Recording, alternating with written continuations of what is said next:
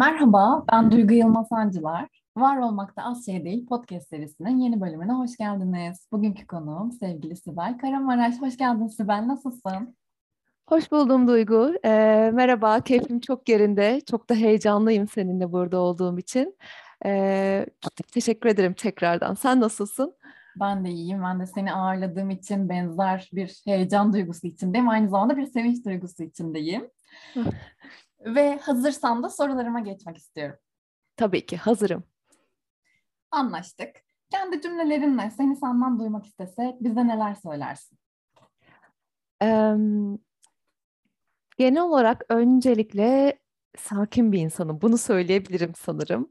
Ee, hayatta çok inişli, yokuşlu, çok dalgalı yolculukları olan biri olsam da tüm duyguları çok yoğun yaşasam da e, davranışsal anlamda genellikle sakin birisiyim.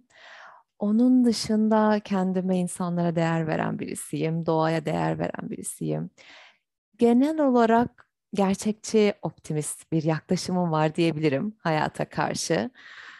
Um, farklı şeyleri denemekten, görmekten, tatmaktan çok keyif alan birisiyim ve aynı zamanda yine benzer şekilde farklı bakış açılarını okumaktan da tartışmaktan da öyle. Son olarak işini çok severek yapan birisiyim. Harika. Peki çok teşekkürler kendini böyle ifade ettiğin için. İkinci soruya geçiyorum. Hakkını vererek yaşamak sence ne demek ve sence sen yaşamanın hakkını veriyor musun? İşte zor soru geldi diyorsun. İkinci soruya. Ama zaten podcast e, ismini de düşünürsek evet böyle soruklar hazırlıklı da olmak lazım. Ee, sanırım yaşamın hakkını vermeye çaba gösteriyorum diyebilirim. Daha esnek ve e, rahatlatıcı bir yerden bakarsak. E, kendime iyi bakmaya çalışıyorum. İç huzurumu bulmaya çalışıyorum. Öğrenmeye çalışıyorum, eğlenmeye çalışıyorum, keşfetmeye çalışıyorum. Tüm bunlar hakkını vererek yaşadığımı mı gösteriyor bilmiyorum açıkçası. Ama en azından şunu söyleyebilirim. Her sabah kalktığımda e, bir, ne bileyim of yine aynı gün işte iş var, şu var, bu var diye uyanmıyorum.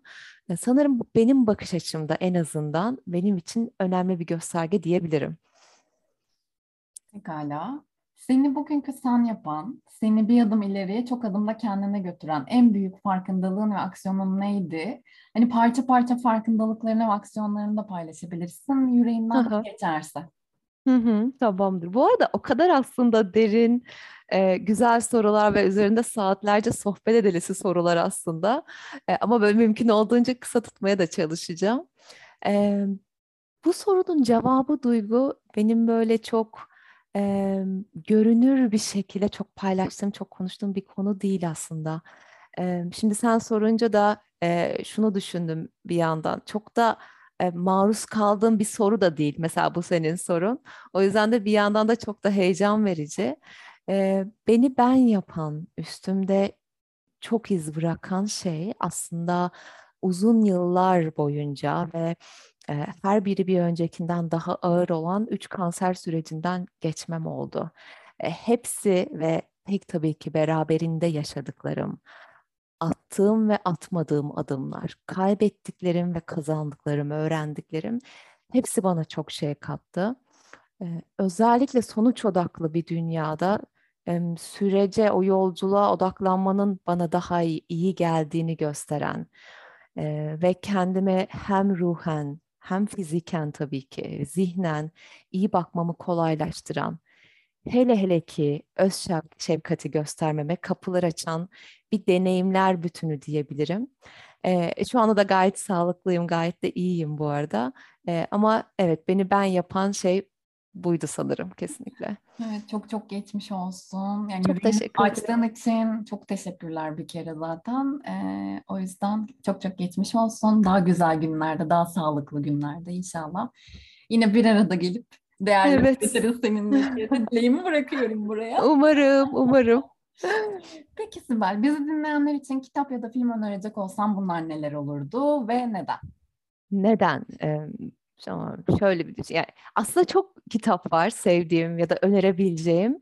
E, ama tabii bu biraz da sen de biliyorsun hani hem biraz zevk meselesi, biraz ihtiyaç, e, biraz böyle herkesin kendine yakın bulduğu bir anlatım tarzı olabilir. O yüzden e, yukarıdaki soruyla paralel gidip belki ben de iz bırakan kitaplar olarak paylaşabilirim. Harika. Ki bunlardan biri kesinlikle e, insanın anlam arayışı.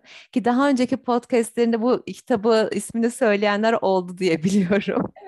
e, Viktor Frankl'in e, kitabı çok çok e, bende iz bıraktı gerçekten. Hem yaşadıklarını anlatması hem de oradan yola çıkarak oluşturduğu bir terapi yöntemi bakış açısı anlamında.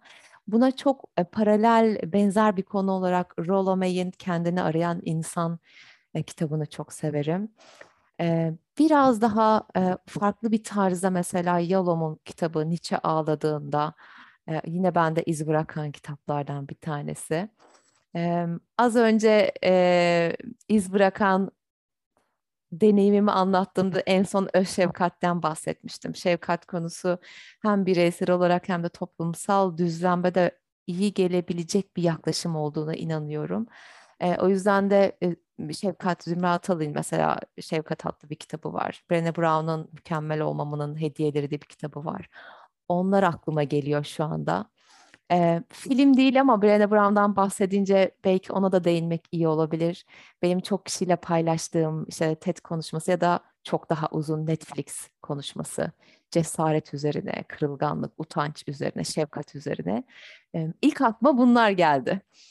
Evet zaten burada bir bonus soru da soracağım sana. Çünkü şu an e, Sibel Karamaraş yazınca bizim karşımıza çıkan kavram ve dünya cesaret üzerine cesaret kavramı üzerine. Ben de seni o vesileyle tanıdım ve e, yaklaşımlarını gerçekten çok çok çok beğendim ve e, onun üzerine gitmek, onunla ilgili konuşmak, okumak, nasıl bir pencereden baktığını, farklı isimlerin cesarete nasıl baktığı ile ilgili araştırmalarını ve yaptıklarını keşfetmek bana çok iyi geldi.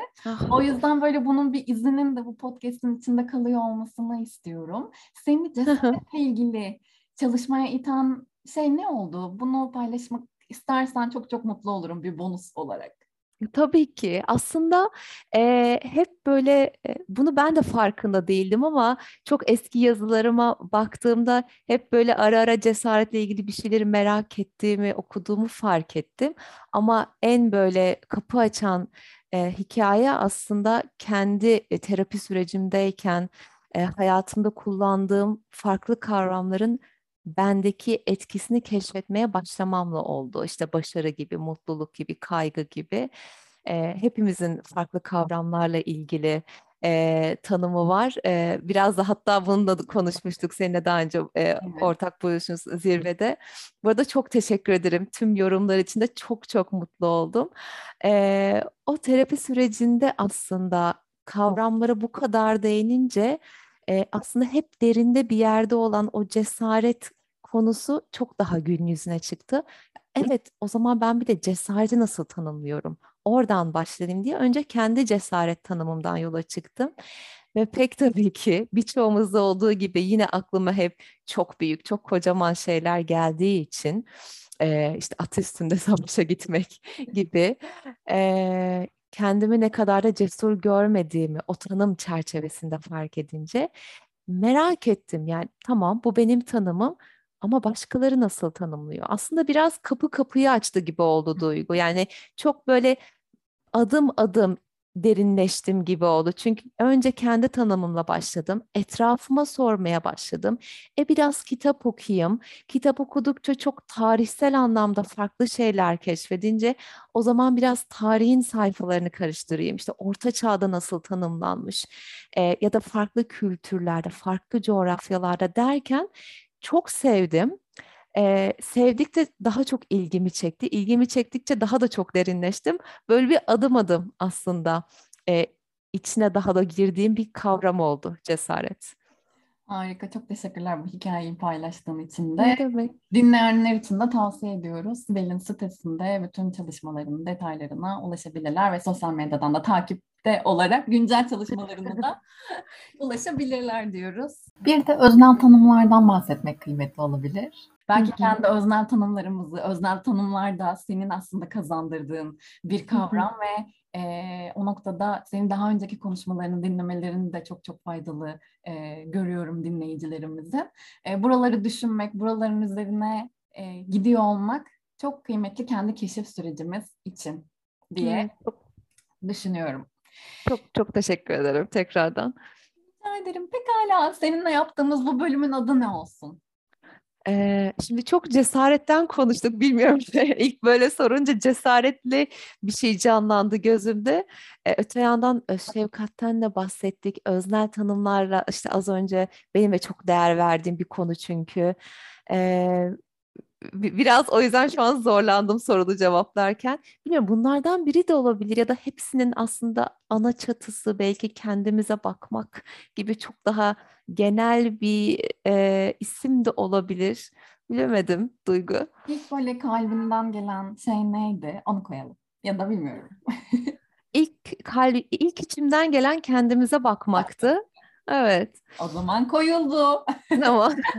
Elimize koyuldu. Peki bundan sonra yine seninle otursak, bilmiyorum ne zaman olur zaman kavramından bağımsız. O bölümün adının ne olmasını isterdin şimdiden? Ee, o bölümün adı ne olsun? Burada bölümlerinin isimlerin hepsi çok hoş, çok güzel. Hepsi çok ilgi uyandırıcı. Onu bir söylemek istiyorum.